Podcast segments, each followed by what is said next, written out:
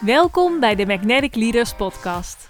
In deze podcast ontvang je praktische tips en inzichten over hoe jij de leider wordt van jouw bedrijf en je meer klanten aantrekt op een manier waar je blij van wordt. Ik ben Anne. En ik ben Stefanie. En wij coachen samen ondernemers naar het vormgeven van hun bedrijf op hun manier. Wil jij meer impact met je bedrijf en meer vrijheid, maar mis je strategie? En ben je er klaar voor om echt te ownen wie je bent en een magnetic leader te worden? Abonneer je op deze podcast. En we wensen je heel veel plezier met het luisteren van deze aflevering.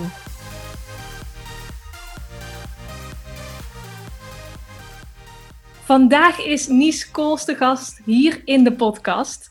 Nies is Instagram-expert en leert vrouwelijke ondernemers hoe ze meer volgers, meer klanten, meer plezier en meer omzet krijgen in hun bedrijf.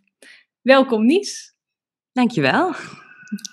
Superleuk om hier te zijn. Ja, super tof dat jij hier vandaag bent en dat je samen met ons dieper in wilt gaan op de oude patronen die je hebt doorbroken om echt te ownen wat je te bieden hebt als ondernemer en wat jouw strategie is om door te blijven groeien met je bedrijf. Yes, ik kijk er zo naar uit.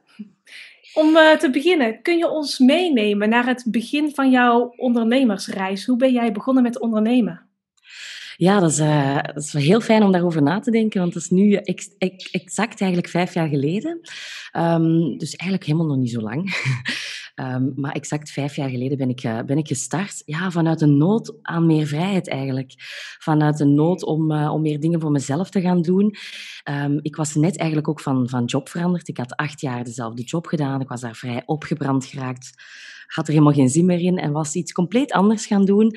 En ook dat was niet genoeg. Ik wilde er nog wat meer. En uh, ja, ik dacht toen in augustus 2016 van ik, uh, ik ga het gewoon proberen. En ik uh, heb toen mijn ondernemingsnummer aangevraagd en ik ging en social media coaching en e-mail marketing doen voor mensen en uh, website teksten schrijven en copywriting. En dus ik ging van alles doen, want ik dacht, dan heb ik zeker werk.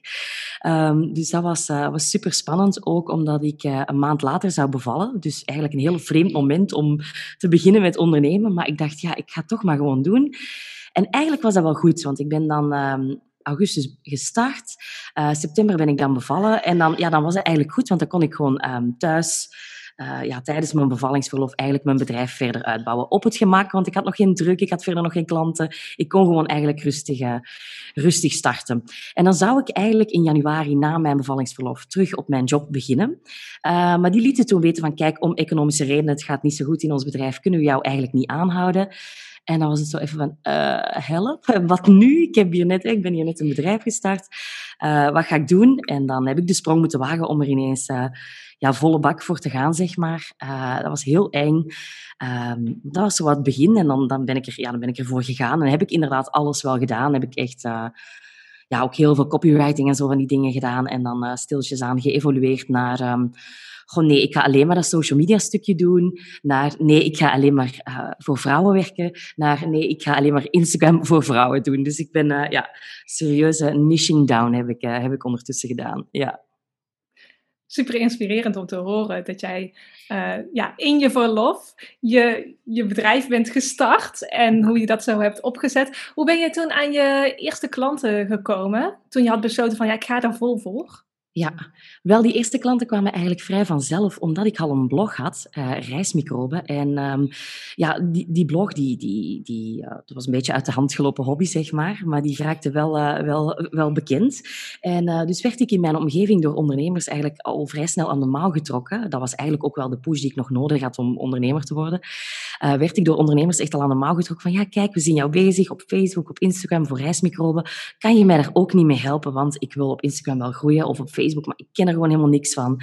Uh, ja, en toen ging bij mij ook wel het beltje aan van, ja, ik dacht van in het begin, ja, ik zal misschien, ik heb een uh, diploma journalistiek uh, en ik dacht, ja, ik zal misschien daar wat mee doen en maar meer gaan schrijven en copywriting doen. Maar toen die social media ook om de hoek kwam kijken en mensen dus aan mijn mouw begonnen te trekken daarvoor, dan dacht ik, ja, dit is, dit is ideaal. En zo kwam eigenlijk de eerste klant, was een interieurwinkel hier in de buurt en daar heb ik de social media voor verzorgd, de nieuwsbrief en die dingen, ja. Ja, dat is echt heel cool om te horen dat eigenlijk je hobby. Vanuit mijn perspectief was reismicroben toen niet echt een hobby, want je stak daar echt heel veel tijd in, herinner ik me nog wel. En nu nog steeds, denk ik, mm. dat dat eigenlijk geleid heeft naar je eerste klanten, maar ook het vinden van wat vind ik nu eigenlijk leuk en waar ben ik nu goed in en hoe kan ik dat gaan inzetten voor anderen. Want dat is ook eigenlijk wel echt je ding. Je praat trouwens ook echt heel mooi, je bent heel goed met communicatie, dus ik vind het niet meer dan logisch dat dat je volgende stap was geweest. Ja, ja. En, het fijne is dan, uh, ik, ik, weet nog, ik heb dan journalistiek gestudeerd en mijn moeder was super teleurgesteld toen ik daar effectief, toen ik niet ging werken in het, hè, in het wereldje, niet voor een krant ging werken of niet voor tv ging werken. En dan was ze zo'n beetje teleurgesteld van, hm, ze heeft helemaal niks gedaan met de studie hè, die we voor haar betaald hebben. En dan heb ik acht jaar uh, heb ik, met jongeren gewerkt, met maatschappelijk kwetsbare kinderen en jongeren. Iets helemaal anders. Maar nu moet ik dan af en toe zo wel lachen en zeggen tegen mama van, kijk, nu kom ik, ik kom op de camera, mama, het is goed. het, is, het is dan wel gewoon op de, op de telefoon, maar... dus dat, is, dat is wel grappig, dat, dat ik uiteindelijk toch, ja, toch met die dingen dat je daar geleerd hebt, toch, toch wat verder ben kunnen gaan. Ja. Ja, je hebt onder andere ook toch een cursus over in de media komen en al dat ding. Dus ik denk dat je journalistiek nu echt wel goed van pas kan. Ja, absoluut. Absoluut. Ja, klopt. Ja, super mooi om te horen. Ik heb zelf ook journalistiek gestudeerd en daarna inderdaad ook andere richtingen opgegaan. Maar het is toch altijd mooi hoe dat weer terugkomt, zeg maar. En dat je studie niet voor niets is geweest. En hoe, hoe vertaal jij dat nu in jouw bedrijf? Goh, ik denk dat ik, uh, ja, dat ik daar wel heel wat heb meegenomen uiteindelijk. Ik heb het dan echt wel acht jaar laten rusten. Ik heb er helemaal niks mee gedaan. Uh, maar dat dat toch ergens wat in je, ja, in je DNA is geslopen, denk ik. Of ja, sowieso. Ik, ik zei op mijn twaalf jaar al, ik, ik wil schrijfster worden. Um, ik wil een boek schrijven. Komt er ooit nog wel van trouwens. Maar um, dus ik denk dat dat altijd wel al ergens, ergens in zit. Um, vroeger ook, mijn ouders zeiden dat ook altijd van je, stopt, je stopte nooit met praten. Ik ging ook altijd, uh, ja, mijn vader heeft een boomkwekerij en ik ging ook altijd uh, zijn werk, uh, zijn werkvolk, zeg maar, zijn, werk, zijn werkmannen ging ik van het werk houden. Zei mijn vader ook altijd van laat, die, laat die toch met rust, die zijn aan het werk. En ik ging op de boomkwekerij met iedereen praten en zo. Dus ja, uiteindelijk ja, ik denk ook soms bepaalde eigenschappen die misschien mensen vroeger irritant vinden van jou als kind, kan je dan op een of andere manier toch wel gaan inzetten in je later leven. Ehm, en misschien zijn er nog wel mensen die mij nu irritant vinden en vinden dat ik te veel praat, maar er zijn ook mensen die het uh, inspirerend vinden, dus dat is leuk. Ja, je vertelt dat je vader een boomkwekerij uh, heeft. Uh, kom jij uit een ondernemersfamilie? Ja, Tenminste, ja, ik, ik, kom uit een ondernemersfamilie. Ja, mijn vader is, uh, is dus boomkweker. Mijn moeder heeft hem daar altijd ook bij geholpen. Um, en heel veel in mijn familie um, hebben een zaak, inderdaad. Uh, er heeft iemand een, uh, een schoenwinkel, een schrijnwerker, uh, ja, meer in sanitair, allemaal heel... ja, en mijn vader is dan, is dan boomkweker, ja, wat dus best wel... ja, ik was er daar net nog over aan het nadenken. Ja, dat is, dat is pittig. Hè? Die, wij, wij zijn vroeger ook bijna nooit op vakantie geweest. Dat gaat niet, want je werkt met levende, levende dingen. Dus je kan niet op vakantie, want wat als het ineens heel goed weer wordt en al die planten moeten extra water hebben? Of wat als je iemand uitnodigt om, hè, om het over te komen nemen en die persoon doet het verkeerd en je planten zijn allemaal stuk en duizenden euro's in de, hè, down the drain. Dus uh, ja, dat, uh, dat was wat om uh, op een boomkwekerij op te groeien. Heel fijn natuurlijk, want heel veel ruimte, heel veel groen, maar ook best wel wat stress, herinner ik mij. Ja. En wat heb jij meegekregen over het ondernemerschap? Ja, wat heb ik daarover meegekregen? Hard werken. Als ik de, als, dat is hard werken. Je moet hard werken. En als je hard werkt, dan kom je er wel. En um, mijn ouders ik vind sowieso, ze werken nog steeds hard. Ze zijn nu 60. Um, ehm, en ze zien dat ook op een of andere manier als het grootste goed. Hè. Dus als je, als je echt hard werkt, maar echt hard werkt als in... Als je dus echt s'avonds niks meer kan zeggen en je ziet bijna zwart voor je ogen van het werk, dan heb je goed gewerkt. Um, dus dat is echt wel iets um, dat ik altijd heb meegekregen. Hard werken en uh, door, uh, door lui te zijn in die zetel te liggen, uh, daar bereik je niks mee. Hard werken, hard werken, hard werken en dan, dan komt het wel. Ja. Ja, merk je dat je daar patronen van hebt meegenomen in je eigen bedrijf? Ja, ja, ik ben ook wel echt iemand van gaan, gaan, gaan. Dus dat, dat heb ik sowieso meegekregen. Um, en het heel erg moeten loslaten van het rustig aandoen is niet verkeerd. Rusten is niet verkeerd. Rust nemen is niet verkeerd. Um, slim werken in plaats van hard werken is slim en niet dom. Hè? Dus, dus dat, daar, daar heb ik echt wel mee, geworsteld.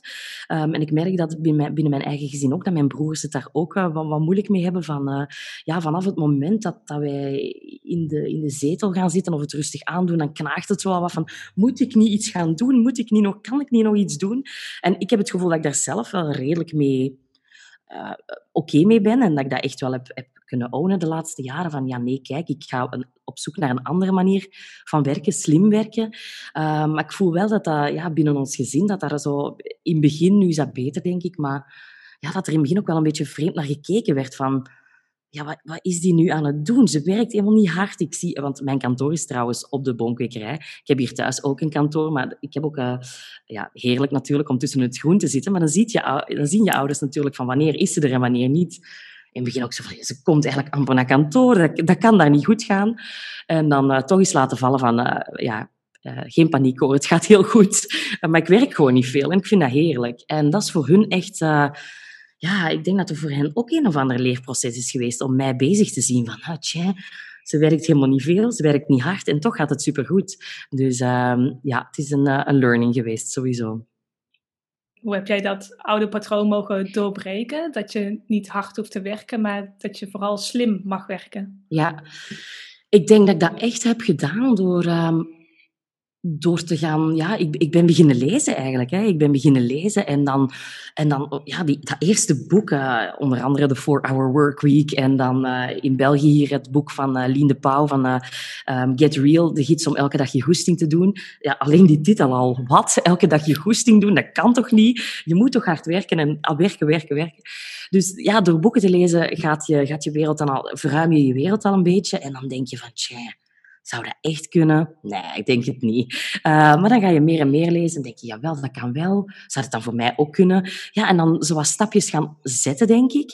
En uh, ja, dat begon super klein, hè, want als je, als je van, van, van in het gezin komt van je moet hard werken, als je van op een vrij strenge school komt, um, ja, dat, dat was, ik heb dat echt stap voor stap moeten doen. Ik weet nog dat ik op hogeschool uh, binnenkwam mijn eerste dag en dat ik mensen met hun telefoon zag staan, dat ik... Oh, mensen mogen hier een telefoon gebruiken.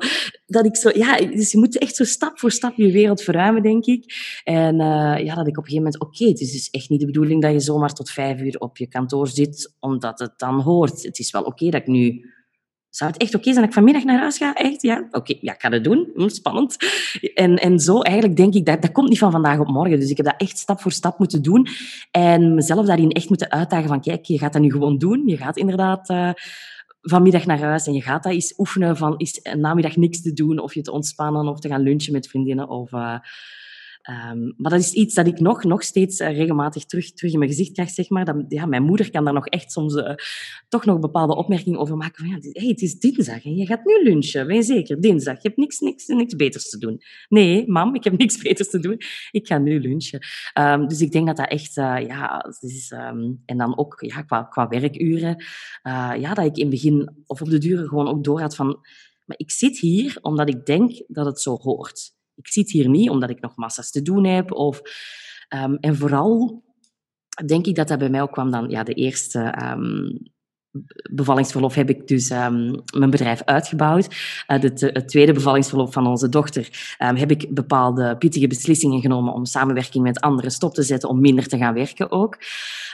En dan, want ik merkte eigenlijk altijd vanaf het moment dat je er even weer uitstapt, en je kan dus niet anders als je een baby hebt gekregen, als je er even uitstapt, dan ga je weer veel breder kijken naar de hele situatie en dan denk je van oké, maar ik krijg hier eigenlijk in mijn bevallingsverlof ook wel wat gedaan op twee uurtjes tijd per dag. Dus waarom zit ik eigenlijk een hele dag uh, op kantoor? Waarom werk ik nog met mensen samen waar ik niet meer mee samen wil werken? Um, en dan telkens ja, beslissingen genomen om, uh, om meer en meer uh, echt naar die ultieme vrijheid te komen, die ik momenteel echt wel, echt wel ervaar. Dat ik voel van oké, als ik wil werken, dan kan ik werken. Als ik niet wil werken, hoef ik niet te werken. Um, en dat is heerlijk.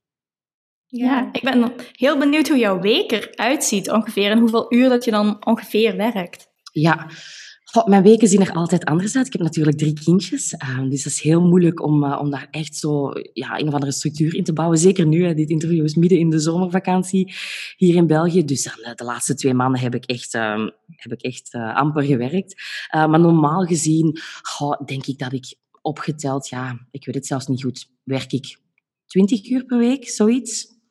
Tijdens lanceringen zal ik natuurlijk net iets, uh, net iets, uh, net iets langer werken of, of vaker werken.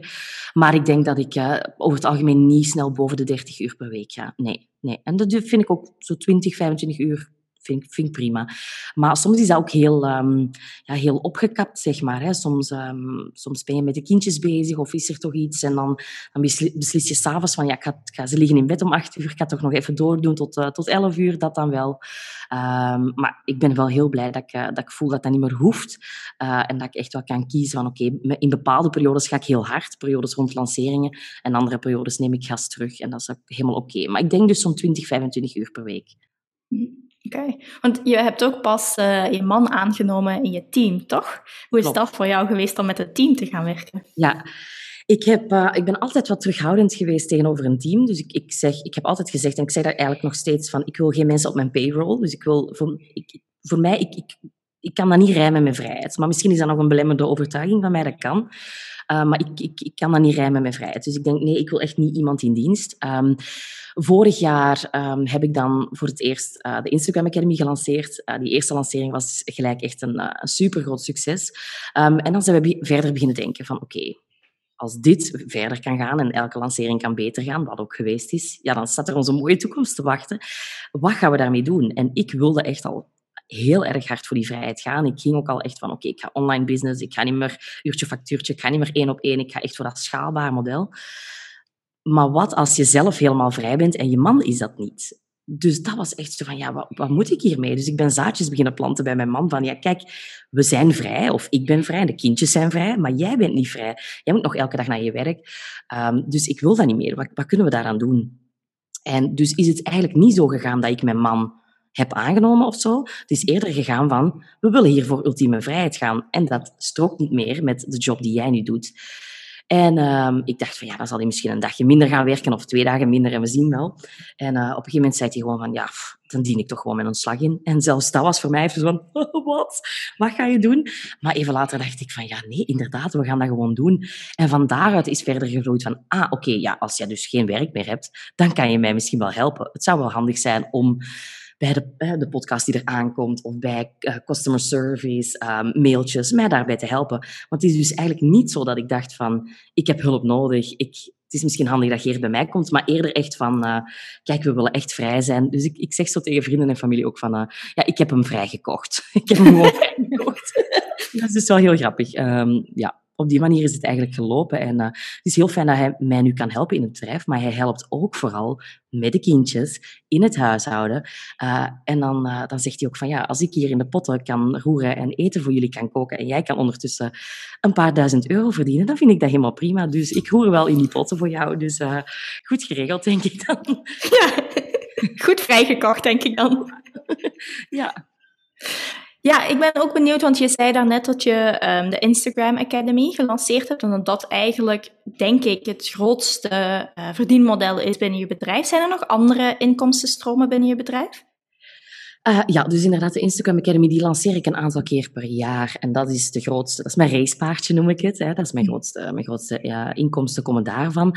Um, voor de rest heb ik ook nog wel wat inkomsten via mijn webshop. Dus ik, heb een, uh, ik had verschillende cursussen gemaakt. Op een gegeven moment dacht ik, ja, ik kan die ook allemaal los liggen lanceren de hele tijd. Maar dat is ook gewoon super vermoeiend. Ik steek ze gewoon in een duidelijke webshop. Uh, probeer ze wat in, een, in, wat, in wat funnels te verwerken, wat advertising dat er ook op loopt. Dus via um, ja, een aantal ads die lopen, via funnels die lopen, komt er ook elke maand uh, wel, wat, uh, wel wat geld binnen. Um, hier en daar ook een beetje affiliate marketing dat ik nog heb lopen, zowel voor Socialized als voor reismicroben. Uh, voor reismicroben was dat, um, ja, liep, dat, liep dat uiteindelijk wel op. Tenminste, ik vond dat voor reismicroben vond dat, was dat een paar honderd euro per maand, maar ik vond dat wel fijn, een fijne extra, waarvoor je dan toch niet veel moet doen. Maar goed, corona, niemand ging nog reizen. Dus dat heeft echt wel stilgelegen. Maar qua affiliate marketing voor Socialized werk ik bijvoorbeeld samen met een fotograaf die dan presets verkoopt in de Instagram Academy raad ik dat dan ook aan en erbuiten in mijn, mail, in mijn mailtjes ook van, ja, kijk, als je een mooie uh, feed wil, hè, waar de foto's allemaal een beetje dezelfde look en feel hebben, kan je met die presets werken. Dus uh, daar komt ook altijd wel nog een beetje uh, via binnen. Uurtje factuurtje ben ik mee gestopt. Vind ik, vind ik heerlijk om dat niet meer te moeten doen. heel af en toe doe ik ze nog wel een gast, als gastspreker of masterclasses geven in andere mensen hun cursussen. maar het is eigenlijk sinds corona, en ik wil ook niet meer terug, want dat was echt de weg die ik op wilde gaan. En sorry, maar corona was voor mij een klein beetje een cadeautje in het begin. Van oké, mijn agenda is eindelijk leeg, nu kan ik ervoor gaan.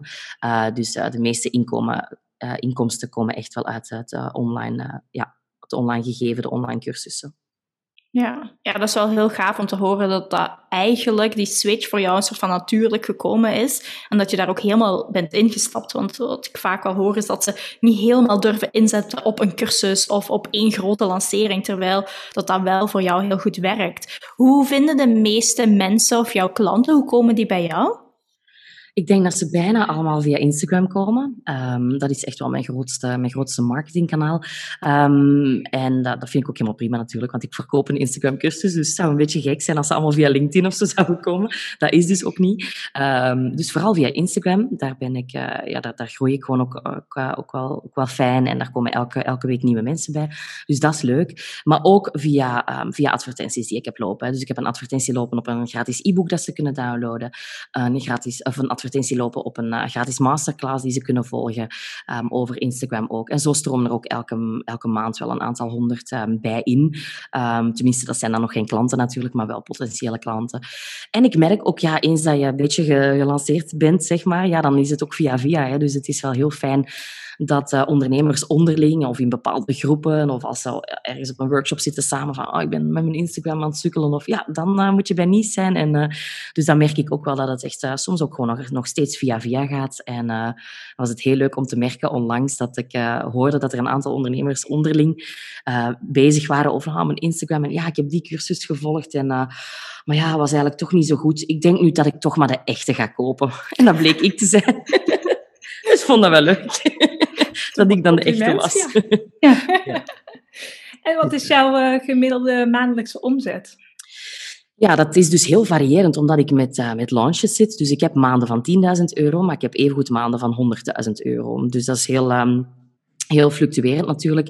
Ik denk, als ik een beetje kijk naar waar ik uh, dit jaar naartoe wil, dat ik ongeveer op een gemiddelde maandomzet zal komen van, van 40.000 euro ongeveer. Ja. ja. En heb je ergens kosten zitten? Ja, dat valt natuurlijk als online bedrijf redelijk goed mee. Dus dat is wel heel, heel fijn ergens. Maar uh, ja, je hebt wel een team. Hè, dus ik heb een VA. Um, ehm, ik moet zeggen dat dat eigenlijk qua kost heel goed meevalt. Ik dacht in het begin, eh, toen ik die VA aannam, van oh jeetje, uh, dat gaat mij toch wel hè, flink wat kosten. Maar uiteindelijk, ja, eens de systemen lopen, lopen ze. Uh, maar ik denk wat mijn hoogste kost is, is mijn, uh, is mijn grafisch vormgever. Hè. Dus uh, ja, e-books die gemaakt moeten worden, werkboeken voor cursussen, een uitnodiging voor dit of dat, social media templates die zij voor mij maakt. Dus die kosten die, die lopen wel eens op, ja. En voor de rest systemen, hè. dus je, het, systeem waar je online cursus op draait, je betaalsysteem, ja, alle technische zaken. Dus dat telt op de duur wel op, hè. Um, ja. Ik ben heel erg benieuwd om zo'n omzet te bereiken gemiddeld hè, van 40.000 euro. Heb jij bepaalde overtuigingen over geld mogen shiften? Ja. ja, absoluut. Ja, ik denk dat ik echt heb, ten eerste heb moeten shiften van ik ben dit waard dat sowieso dat geloven van ik ben dit waard. Uh, en dat is echt op heel korte tijd eigenlijk allemaal gebeurd. Want ik weet dat ik mijn eerste online cursus heb ik gelanceerd. Die kostte, um, ja, die ging toen gelijk hè, met korting ook. En die kostte toen 48 euro.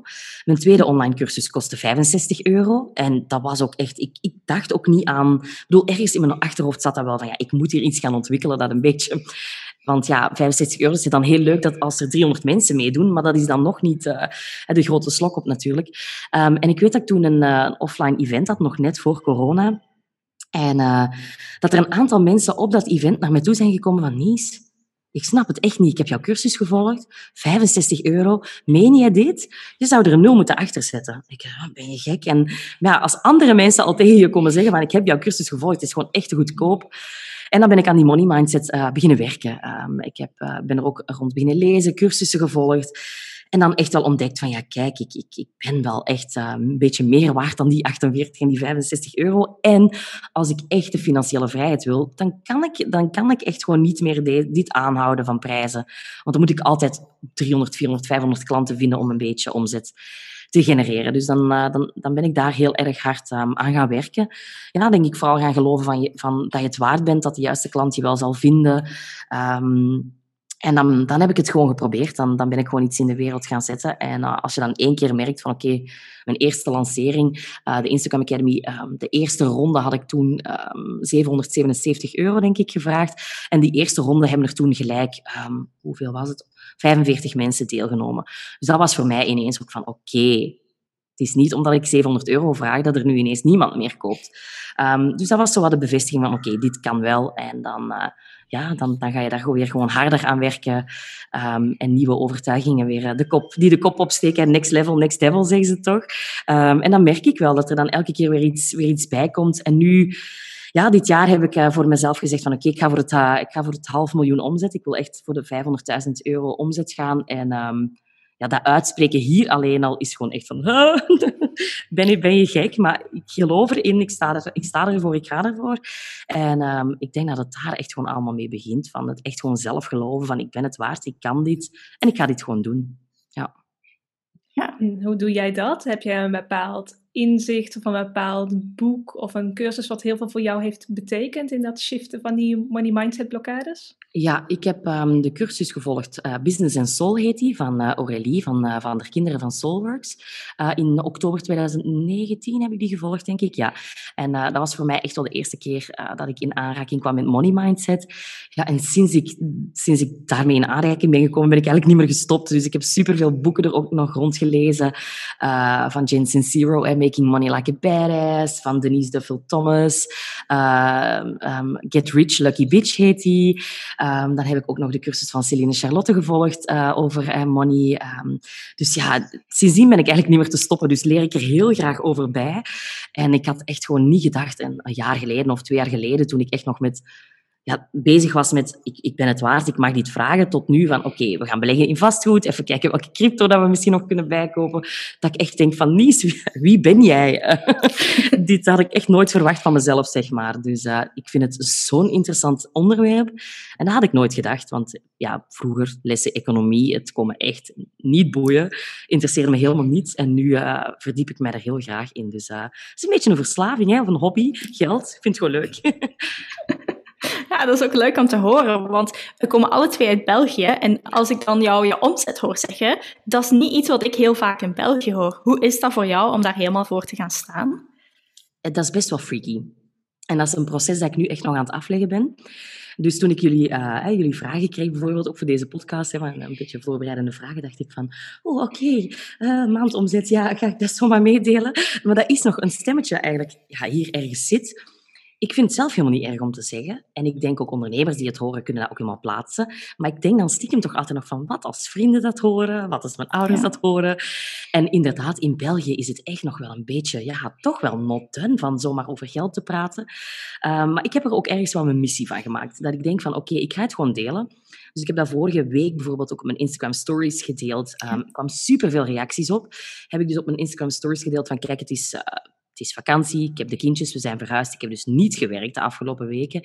En toch heb ik in juli um, 20.000 euro omgezet. Heb ik gewoon zo en zo gedaan. Bepaalde systemen dat er staan, en termijnbetalingen die nog moesten uh, komen van de Instagram Academy. Er kwam superveel reactie op gelukkig allemaal positief. Dus dan denk ik van ja, kijk, er is gewoon nog werk aan de winkel. En ik vond het net cool dat, het, uh, ja, dat, dat er zoveel reactie op kwam. Ik vond het echt ook net fijn om te, om te zien van oké, in de podcast gaat het er ook echt wel over gaan hier vandaag. Omdat ik in mijn podcast, die binnenkort gelanceerd wordt, wil ik dat ook echt wel gaan adresseren. Uh, en dan dacht ik, ja, dan moet ik er gewoon nu al over beginnen praten, want ik wil natuurlijk niet mijn eigen podcast zo van ja, want ik ga denk ik echt wel proberen om 500.000 euro. Ja, bedoel, dan moet je er zelf ja, je, moet eerst leren om er zelf heel open over te zijn. En dat is ook echt een proces. En uh, ja, ik weet zeker dat er, dat er nu wellicht achter mijn, uh, achter mijn rug gepraat wordt. En uh, ik woon ook in een heel klein dorpje. Ik woon echt in een heel klein dorpje waar iedereen iedereen kent. Dus ik weet ook wel van voor mijn eigen podcast staan van, oh help, ja, dat, dat, dat, weet ik dat daar wellicht roddels en zo bij, bij gaan komen kijken. Maar ik heb er gewoon mijn missie van gemaakt. En ik denk gewoon, kom, we gaan er gewoon open over praten. En ik heb er zelf ook heel veel aan gehad dat een paar ondernemers in België het dan toch doen. Want pas dan zie je wat er mogelijk is. Pas dan, ik dacht, 100.000 euro met een lancering, dat is toch helemaal niet, dat kan niet in België. Nee, misschien dat dat in Nederland kan, want daar zijn ze met, dan stak ik dat daarop, daar zijn ze met meer inwoners. Of, ehm, maar ja, als het iemand anders ziet doen, dan ga je pas geloven dat het, echt, dat het echt kan. En dat wil ik eigenlijk uiteindelijk ook voor andere ondernemers gaan betekenen. Dus dat is de reden waarom ik beslist heb van het toch maar te gaan doen, hoe spannend ik het ook vind. Ja. Jouw missie groter dan de angst om misschien negatieve feedback te krijgen? Ja, ja ik, um, want ik voelde ook al snel, ik, um, ben dan, eh, ik, dat, dat zei ik er straks al, niching down. Ik ging dan naar Instagram coaching. Maar ik merkte eigenlijk, het gaat niet over Instagram coaching. Het gaat niet over hoe, ja, dat hoort er natuurlijk bij, maar het gaat niet over hoe uh, maak ik een reel of hoe uh, moet ik stories hands-free opnemen. Dat zijn allemaal technische dingen. Dat is ook leuk om te leren. Maar uiteindelijk gaat het over hoe kan ik zelfzeker zichtbaar worden? Hoe kan ik zelfzeker zichtbaar worden? Hoe kan ik het podium pakken? Hoe kan ik durven gaan staan voor wie ik ben? Daar gaat het uiteindelijk over. Dus ik merk dat ik nu ook um, ja, meer en meer vragen krijg ook van, van, ja, die, die breder gaan dan dat, die over het ondernemerschap gaan. Dus ik voel zelf ook dat ik aan het evolueren ben van Instagram coach meer naar ondernemerscoach. Uh, ook in de Instagram Academy zelf, als daar vragen worden gesteld, gaat vaak wel over Instagram-technische dingen, daar niet van.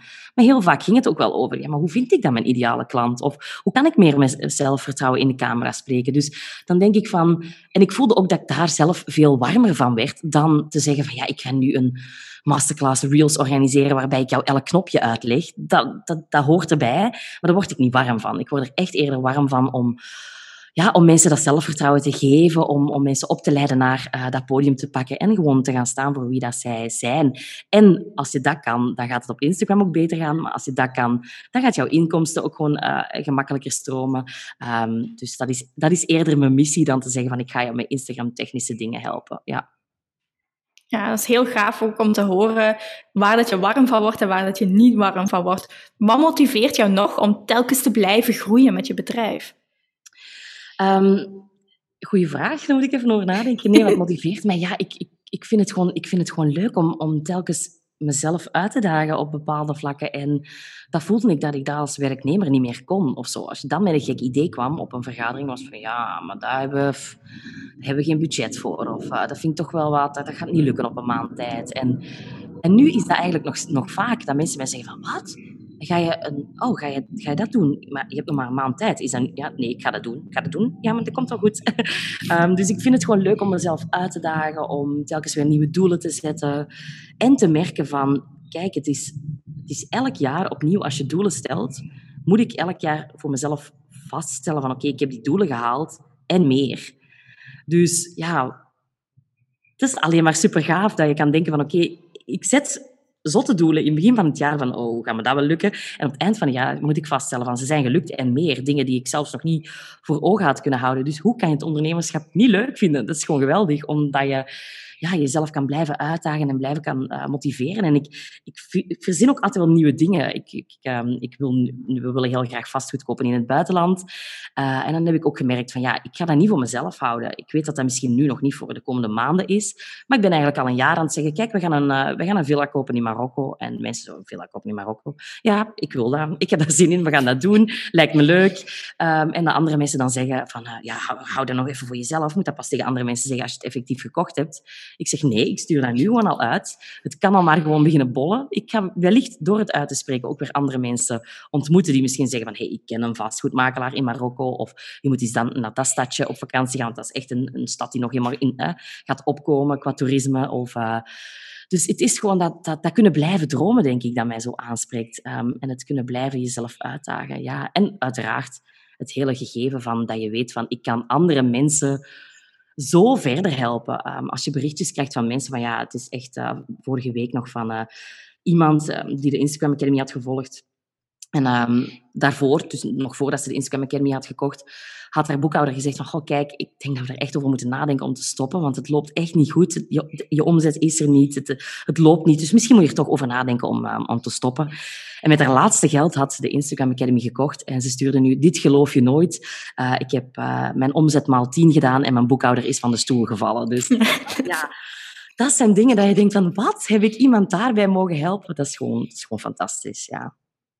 Dus ja, het is echt heel inspirerend om dat te horen. En ook van jou te horen van dat je gelijk je doelen uitspreekt en daarvoor gaat en daarvoor durft te gaan staan. Want dat is inderdaad een ding wat ik ook vaak hoor. Ja, maar je mag nog niet vertellen wat je plannen zijn, want hou maar voor jezelf het spannend en zo. Dus dat vind ik ook wel heel tof om te horen dat je ook de dingen die je wil bereiken gewoon al uitspreekt. En dat dan helder is voor jou, oké, dit zijn de stappen die daar naartoe gaan. Ja, klopt. Ja, en pas als je het uitspreekt, dan, dan, dan wordt het echt, denk ik. Um, onlangs uh, had ik dat ergens gelezen, dat iemand dat vergeleek mij. Als wij uh, vroeger jarig waren en een verjaardagstaart uitblazen, mocht je ook een wens doen. Maar vertel die vooral niet, hè. voor jezelf houden, niet vertellen. Maar dan vertel je eigenlijk al tegen kinderen van ja, je mag vooral niet uitspreken wat je wil. Uh, En pas als je iets bereikt hebt, mag je er eigenlijk over gaan vertellen. Dus dat vind ik eigenlijk, ja, vind ik eigenlijk zo fout dat we dat hè, vanaf het begin al in onze, onze kindjes zitten te, zitten te proppen, zeg maar. Van uh, ja, vertel het vooral niet. En uh, ja, ik weet dat mensen mij daar raar, raar voor aankijken. Ook in mijn familie misschien van ja, ze wil een villa in Marokko, zal wel. Maar dat was net hetzelfde toen ik mensen vertelde van ja, kijk, ik ga echt wel proberen om mijn kinderen op een zo natuurlijk mogelijke wijze op de wereld te zetten. Ik wil niet, in een, uh, niet met een gynaecoloog bevallen, liefst ook niet in een ziekenhuis, als dat kan. Hier in België trouwens is dat heel raar als je thuis bevalt. Ik weet dat dat in Nederland uh, redelijk common is, maar hier in België ben je echt een... Uh, ze, ze, hebben mij gevaarlijke zot genoemd en van die dingen. Dus ja, ik ben echt wel uitgemaakt voor, voor vreemde dingen. Maar toen ben ik daar ook echt voor gaan staan. En ook mensen die zeiden van ja, Jij gaat nu wat cursussen volgen, een beetje boeken lezen. Dat zal jou vast wel helpen tijdens de bevalling niet. Um, en uiteindelijk heb ik drie kinderen natuurlijk op de wereld gezet. Natuurlijk, er kan altijd iets medisch gebeuren, hè, daar niet van. Dus dat zijn andere situaties. Maar dat heeft mij echt um, op het punt gebracht dat ik dacht van, kijk, als ik dit kan, als ik terwijl al mijn vriendinnen horrorverhalen vertellen over vreselijke bevallingen en lang duren en dit en dat, en dat ik gewoon ervoor ga staan van, nee, ik wil het anders. En dat is gelukt, toch wel echt een crazy gebeurtenis in je leven. Ik denk dat dat mij het zelfvertrouwen heeft gegeven om uh, van oké, als ik dat kan, dan kan ik alles. Als ik een kind op de wereld kan zetten, dan kan ik alles. ja. Mooi. En als we het nu ook hebben over het uitspreken van je verlangens. Wat zijn jouw dromen nog voor je leven en je bedrijf? Nou ja, je wilt sowieso een villa in Marokko. Ja. Wat nog meer? Wat nog meer? Ja, ik denk dat alles bij mij draait rond, uh, rond, rond vrijheid. Zoveel mogelijk vrijheid creëren. En uh, ja, eerst had ik de vrijheid voor mezelf gecreëerd. Nu heb ik de vrijheid voor mijn man uh, ook mee kunnen creëren. Ik wil dat mijn kinderen ook vrij zijn. Dus dat wordt nog een hele uitdaging. Want ja, binnen twee weken zeker, ja, start het schooljaar hier terug.